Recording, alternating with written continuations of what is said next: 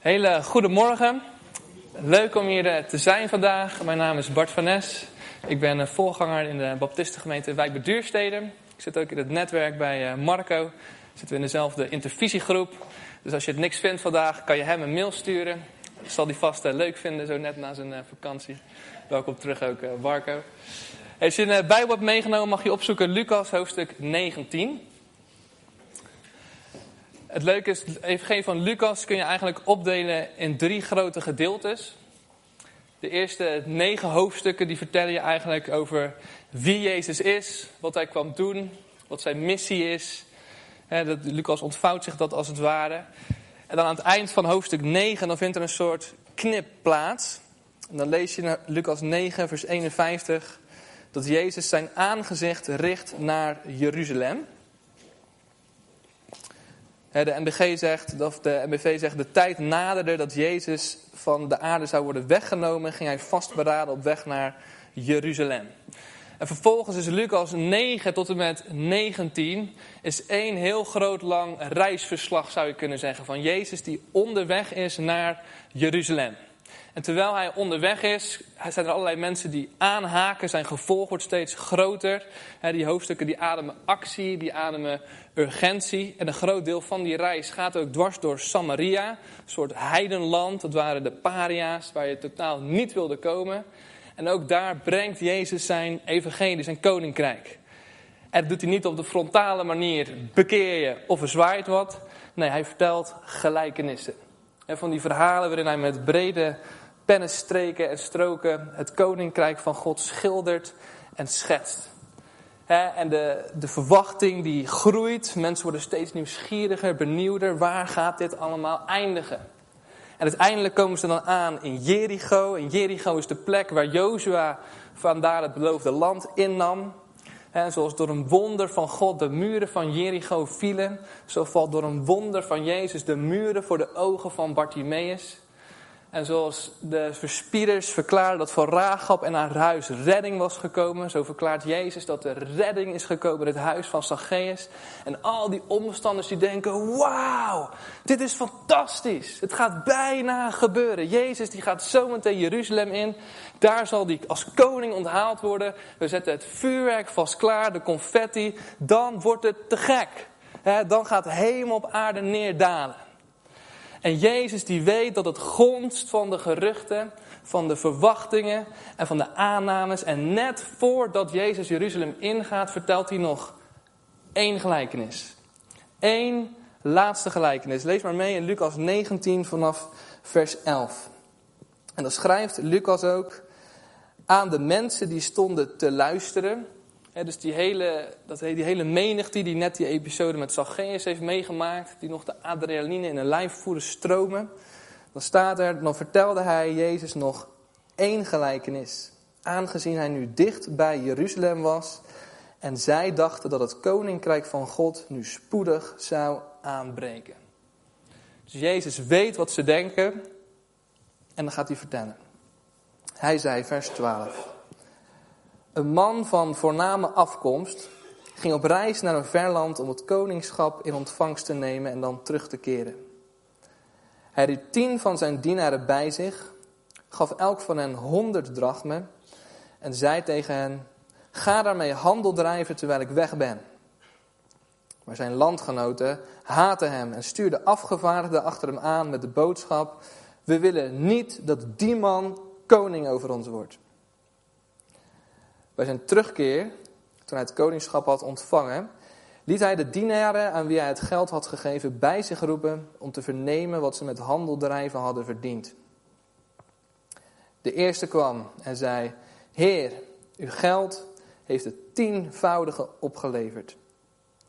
Zijn meester zei: Voortreffelijk, je bent een goede dienaar. Omdat je betrouwbaar bent geweest in iets zeer gerings, verleen ik het bestuur over tien steden. De tweede kwam zeggen, uw geldheer heeft het vijfvoudige opgebracht. En tegen hem zei hij, jij krijgt het bestuur over vijf steden. En toen kwam de derde dienaar. Die zei, heer, hier is uw geld. Ik heb het in een doek voor u bewaard. Ik was bang voor u, omdat u een streng man bent, die terugvordert wat hij niet heeft gestort en oogst wat hij niet heeft gezaaid. Zijn meester zei tegen hem, je bent een slechte dienaar. Met je eigen woorden zal ik je veroordelen. Je wist dat ik een streng man ben en terugvorder wat ik niet heb gestort en oogst wat ik niet heb gezaaid. Waarom heb je mijn geld dan niet bij de bank in bewaring gegeven? Dan had ik het bij mijn terugkeer met rente kunnen opvorderen. En tegen degene die erbij stonden, zei hij: Neem hem de honderd drachmen af en geef ze aan de knecht die het tienvoudige verworven heeft. Ze zeiden tegen hem: Heer, hij heeft al het tienvoudige. En ik zeg jullie: wie heeft, zal nog meer krijgen. Maar wie niets heeft, hem zal zelfs wat hij heeft worden ontnomen. En die vijanden van mij, die niet wilden dat ik koning over hen werd, brengen hier en dood ze voor mijn ogen. Na deze woorden trok Jezus verder op weg naar Jeruzalem. Tot zover. Er is een man. En niet zomaar een man, maar een man van voorname afkomst. En die gaat koning worden. Nou, in die tijd was het zo dat als je koning ging worden, dan moest je je koningschap gaan ophalen. In dit geval bij de keizer in Rome. Daar werd je dan gekroond. Vervolgens kon je terugkeren naar je land of naar je grondgebied. En dan kon je effectief gaan regeren. Dus in 40 voor Christus ging Herodes de Grote naar de keizer in Rome om daar gekroond te worden. En vervolgens terug te keren naar Israël om daar te gaan regeren. 35 jaar later maakte zijn zoon Herodes Archelaus precies dezelfde tocht naar de keizer om zijn koningschap op te halen. En zijn paleis stond in Jericho. Precies dezelfde plek als waar Jezus deze gelijkenis aan het vertellen is. Dus zijn hoorders die hebben dat plaatje helemaal voor zich. En het spannende van deze constructie is dat er dus een soort tussentijd ontstaat. De tijd van gekroond worden en de tijd van effectief gaan regeren. Je weet, ik word koning, maar je weet ook, er zit nog wat tijd tussen. En dat is spannend. En terwijl de koning gekroond gaat worden, geeft hij zijn dienaren de volgende opdracht. Hij roept ze bij elkaar en zegt: Ik geef jullie allemaal 100 drachmen. Ongeveer drie jaar salarissen, is een enorm vermogen. En geeft hij de volgende opdracht. Terwijl ik weg ben hè, en ik nog in afwachting ben van mijn terugkomst, ga handel drijven. Ga investeren. Hè, behartig mijn belangen. Beheer mijn zaken en ga ervoor. Neem risico's. En dat is best een spannende opdracht, want die koning zegt eigenlijk, handel eigenlijk al alsof ik al koning geworden ben. En dat vraagt best wat moed en vertrouwen van die dienaren, want zij hebben nog geen exacte wetenschap van zijn terugkeer. En in de tussentijd is er ook nog eens een keer allemaal tegenstand. Want er zijn ook nog heel veel mensen die willen helemaal niet dat die man koning over hen werd. We weten uit de geschiedenis dat Herodes en zijn nakomelingen waren niet echt bepaald lievertjes. Dus wat gebeurde er dan als zo iemand op weg ging om zijn kroon op te halen? Nou, dan gingen er een hele fanfare mensen achteraan om dat een beetje in twijfel te trekken. Die gingen protest aantekenen. Gebeurde ook bij Herodes. Dus hij was nog maar even koning. Na tien jaar koningschap, zes na Christus, haalde keizer Augustus hem alweer van zijn post af. Nou, in de gelijkenis gebeurt dat ook. Vers 14, er wordt een delegatie gevormd, we hebben een commissie belegd. En die gaan er allemaal achteraan om te zeggen, nee, wij willen niet dat deze man koning over ons wordt. En het woordje man staat er eigenlijk niet eens in de tekst.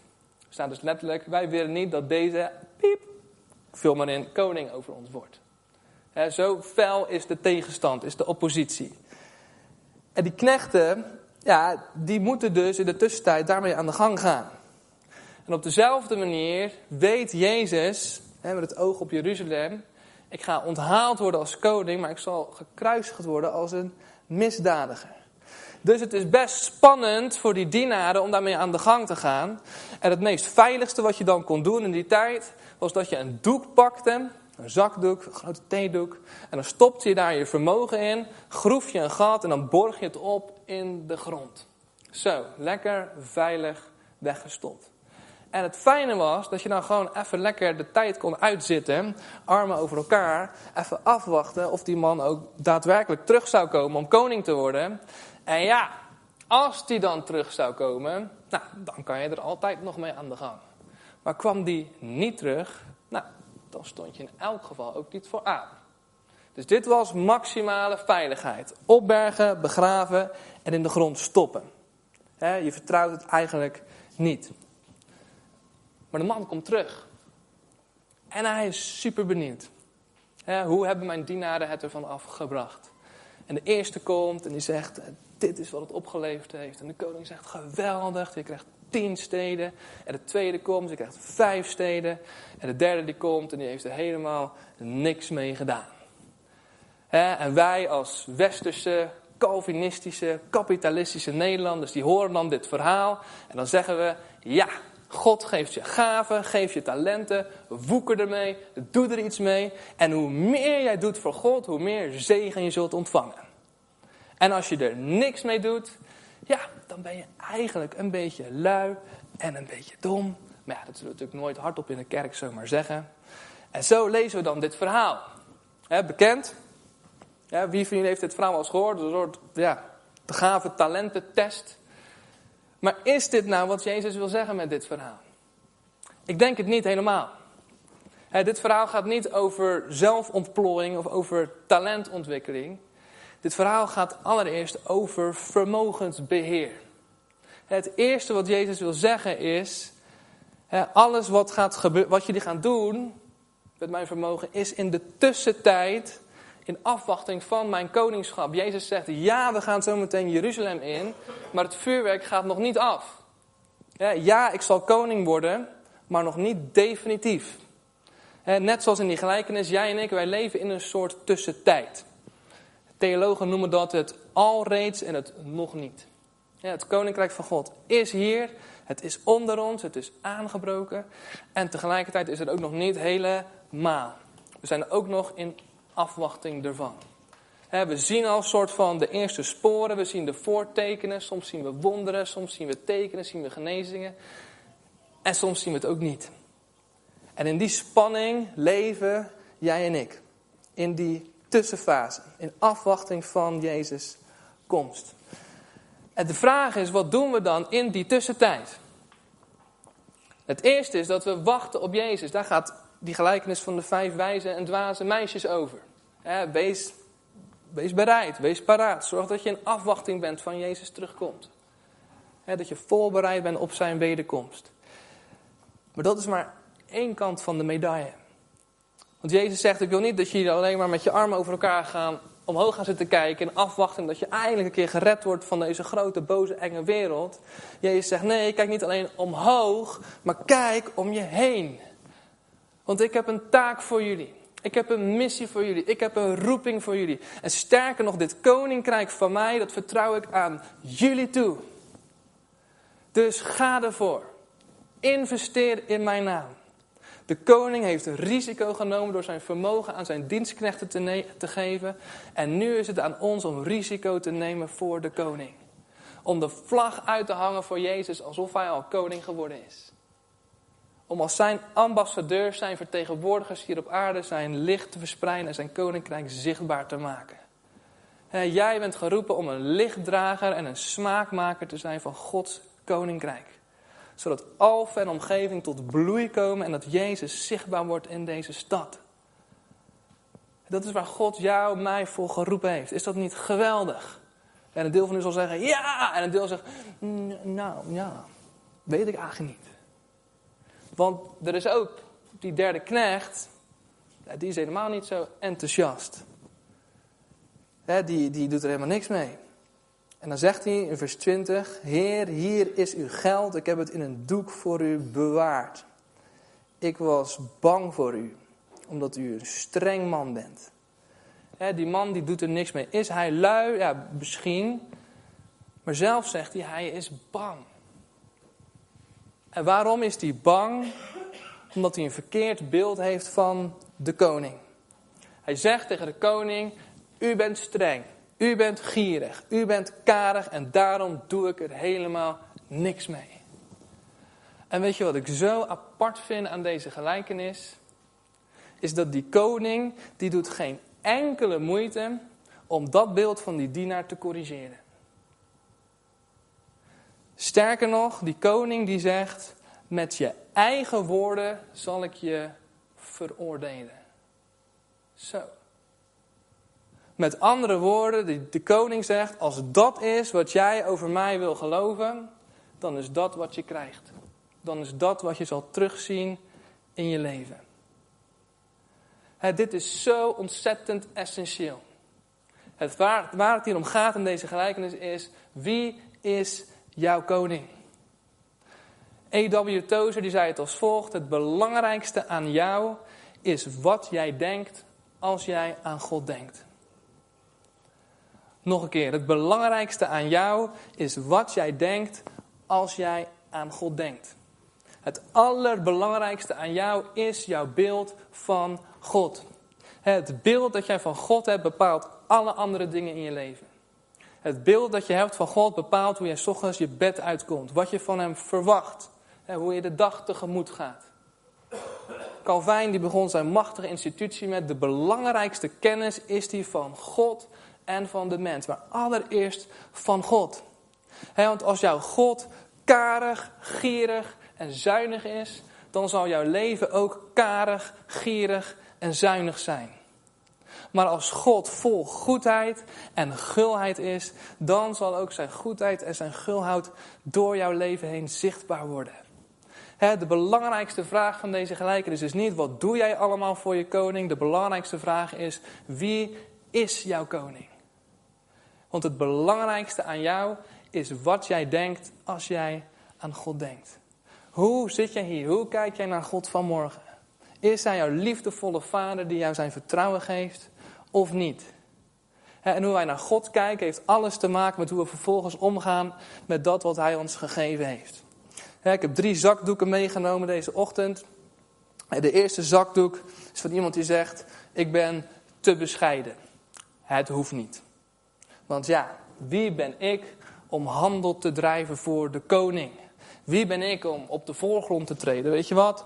Ik doe wel gewoon een paar stappen achteruit. Laat de oudste het maar doen. Laat Marco het maar doen. Laat de aanbindingsleiders maar doen. Ik, ik, ik doe wel gewoon een stapje terug. Want ja, dat is ook een soort van nederigheid.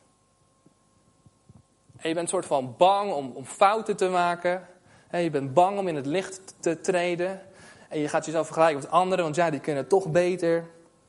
En de denkfout die je maakt is dat de koning soort van alleen geïnteresseerd is in succes, maar de koning is geïnteresseerd in trouw. Wat het ook is dat je hebt, wat het ook is dat jou gegeven is.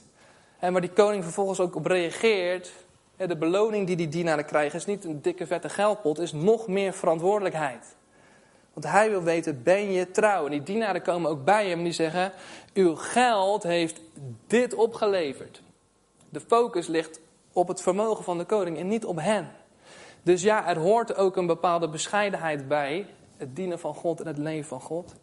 Maar er is ook een soort valse bescheidenheid. Die zegt van, nee, nee, nee, ik, ik, ik, ik, ga wel af en toe naar de kerk en verder is het helemaal prima. En de koning zegt vanmorgen tegen jou, ik zie het met je zitten. Ik heb mijn vermogen aan jou toevertrouwd. Ik heb jou waardig gekeurd door mijn zoon. Jouw trouw in het leven hè, is bedoeld in het licht van de eeuwigheid. En als jij hier zit en je denkt, nou, hoeft niet, te bescheiden. Zegt de koning vandaag tegen jou, open je zakdoek en ga zaken doen. Je bent te bescheiden, het hoeft niet. Het tweede zakdoek is van iemand die zegt, ik ben te bang. Ik durf niet. Want stel je voor dat ik een fout maak. Stel je voor dat ik het vermogen van de koning verkwist. En het beeld dat je hebt van God is als iemand die soort van op de hemel zit, zo met zijn voeten tappen, te kijken, te wachten tot jij een fout maakt. En dan zegt hij, eh, ja, nee, dat, dat, dat wordt hem niet, weet je wel. Eh, ik kan jou gebruiken, jou, maar jou, nee, dat gaat hem echt niet worden. En angst is een grote drijfveer in het dienen en het leven van God. En het belemmert je en het beperkt je. En je loopt gewoon in het gareel, je doet wat je anderen ziet doen, je doet er een beetje wat je van je verwacht wordt. Maar er is geen sprankeling. Er is geen vreugde in je gebedsleven, in je wandel met God. En je vergeet dat je niet zozeer voor God hoeft te werken, maar je mag met God werken. Je mag partneren met God. Dat is het gave van deze gelijkenis. God zegt, ik vertrouw het je helemaal toe. Je hoeft niet voor Jezus te leven, je mag vanuit Jezus leven. En je mag vol vertrouwen met zijn werk aan de gang gaan. Hij ziet het met je zitten. Een van mijn favoriete teksten als spreker is 1 Thessalonicense 2 vers 4. Er staat, God heeft ons het evangelie toevertrouwd. Niet omdat ik zo tof ben, nee, ik ben ook een gerechtvaardigde zondaar. Maar omdat Hij zo geweldig is. En daarom mogen we vol vrijmoedigheid met Hem samenwerken. Jouw koning is geen vrede slavendrijver, jouw koning is een gulle meester. Dus als jij hier zit en je denkt, ja, ik heb, eigenlijk ben ik bang voor God. Zegt de meester vandaag, ik zie het met je zitten. Open je zakdoek. Ga zaken doen. En de laatste zakdoek is van iemand die zegt, weet je, ik ben eigenlijk gewoon te beroerd. Het hoeft niet. Ik wil eigenlijk gewoon niet. Ik wil best op zondag dienstje meepakken. Eh, kom wel een keer opdagen, maar verder, nee. Ik vind al heel wat dat ik soms even mijn dingen doe. En ja, ik wil ook gewoon niet mijn handen vies maken. En dan elk geval kan ik aan het einde van mijn leven tegen God zeggen: Ik heb niks fout gedaan. Maar het ergste is niet dat je niks fout doet. Het ergste kan ook zijn dat je helemaal niks doet. Want je maakt God minimaal, je maakt jezelf minimaal en je maakt dat wat Hij je gegeven heeft minimaal. Want jouw koning is niet alleen jouw redder, jouw Heer is ook jouw koning. Hij is de Heer van jouw leven. En wat doet een koning? Een koning zet zijn mensen in voor de strijd. Hij schakelt ze in voor zijn missie. En jij, zijn dienaar, jij wilt de koning behagen. Waarom? Dat is wat je ten diepste wil. Zoals jij hier zit vanmorgen en je denkt, ja, ik ben gewoon te beroerd, ik wil niet. God daagt je uit vanmorgen en zegt, open je zakdoek, ga zaken doen. Want deze koning, hij is groot en hij is mysterieus. En met hem aan je zijde heb je alles wat je nodig hebt om te slagen. Kan je vol vertrouwen het nieuwe seizoen tegemoet gaan. Drie zakdoeken, allemaal redenen om het niet te doen. Maar draai het eens om. wat zou jij doen voor Jezus? Welk risico zou je willen nemen als je wist, de koning van het universum is met mij? voor mij en mijn vrouw betekende dat we drie jaar geleden naar Portugal zijn verhuisd om daar internationaal studentenwerk te gaan doen. Ik vond het super spannend. Ik lag s'nachts wakker in het bed en dacht, help. Maar we zeiden ook tegen elkaar, oh wat zullen we spijt hebben als we achteraf tegen elkaar hadden gezegd, hadden we dat maar gedaan en we deden het niet. En ook dit nieuwe seizoen, vakantie is bijna op zijn einde. En God wil je inschakelen, wakker maken voor zijn missie en voor zijn koninkrijk. Voor sommigen van jullie is dit het seizoen om eindelijk die taak te gaan oppakken waar je al zo lang tegenaan hikt. is het echt tijd om de koers van je leven nu om te zetten. En voor weer anderen van jullie betekent dat je trouw op je post blijft en dat blijft doen wat je al jarenlang trouw aan het doen bent. Misschien in het klein, misschien in het verborgene, misschien in het onzichtbare. Maar God ziet het, God weet het en Hij is met je. En Hij zegt vandaag tegen jou: goede en getrouwe dienaar. Goed gedaan. Ja, dit is waar dit verhaal mee, mee wil eindigen. dit is waar ik, waarvan ik hoop dat mijn leven hiermee eindigt. Moet je je voorstellen, want die koning die komt terug, de tijd tikt door. Het is niet optioneel dit verhaal. We hebben allemaal een beperkt tijd gekregen van God. Maar hij heeft je zijn vermogen toevertrouwd. En op de allerlaatste dag, als je sterft of als Jezus terugkomt, dan zul je voor hem staan. En dan zul je echt niet denken aan de auto waar je in reed of het huis waarin je woonde. Dan zul je hem zien, die helder straalt dan de zon. En dan zul je wegvallen in zijn armen van eeuwige liefde. En dan zul je zijn hand op je schouder voelen. En dan zal de koning zelf hoogpersoonlijk tegen jou zeggen: Goed gedaan, goede en getrouwe dienaar. En ik kan me niet voorstellen hoe dat moet zijn. Om die woorden uit Jezus' eigen mond te horen. Ik wil daarvoor leven, ik wil daarvoor gaan. En God zegt vandaag ook tegen jou: Ik zie wat je doet hier in de gemeente. Ik zie hoe trouw je bent. Blijf doorgaan, blijf volharden. Goed gedaan, goede en getrouwe dienstknecht. Hij ziet het met je zitten. Goed gedaan, goede en getrouwe dienstknecht. En op de laatste dag, als je laatste adem uitblaast en alles wegvalt, dan sta je voor hem. En dan zegt hij: Goed gedaan, goede en getrouwe dienstknecht. Kom binnen.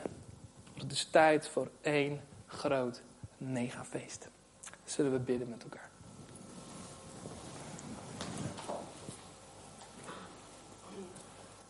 Heer Jezus, dank u wel dat we zo in uw aanwezigheid mogen zijn deze ochtend. Heer, we willen u zo danken voor uw liefde voor ons, uw vertrouwen in ons. Heer, u heeft risico voor ons genomen en daarom mogen wij met vrijmoedigheid en vertrouwen risico nemen voor u. Heer, u had het ook allemaal prima zelf kunnen doen, maar Heer, u wilt het met ons doen. U wilt ons inschakelen in uw missie, in uw koninkrijk. Heer, en er is geen groter voorrecht dan dat. Vader, en ik wil u danken dat er weer een nieuw seizoen voor de deur staat. Heer, dat er mensen zijn waar we naar mogen uitreiken, die we mogen dienen, die we lief mogen hebben. Heer, dat we u groot mogen maken in onze aanbidding, in ons werk, op onze school en onze studie. Vader, en ik bid deze ochtend specifiek voor een ieder die hier zit, die om wat voor reden dan ook zijn talent heeft opgeborgen, zijn zakdoek heeft gestopt. Ik bid, Heilige Geest van God, dat u klopt op deuren van harten. En dat je vanmorgen de stem van God zal horen die zegt: Het is tijd om je zakdoek open te maken. Het is tijd om zaken te gaan doen. Het is tijd om in beweging te komen voor mij, voor mijn missie en voor mijn koninkrijk. Vader, ik bid dat als we gebukt gaan onder beperkte overtuigingen van wie u bent, Heer, als we misschien bang zijn voor u, te min denken van u, voor onszelf. Heer, kom, vernieuw ons denken. Heer, richt ons op u, Heer Jezus, zodat onze levens vol zullen zijn van uw vreugde. Heer, van sprankelend geloof, sprankelende hoop. Heer, omdat we weten hoe dit verhaal zal eindigen. Heer, met uw koninkrijk en uw terugkomst. Dus wil ik jullie zegenen in de naam van Jezus. Amen.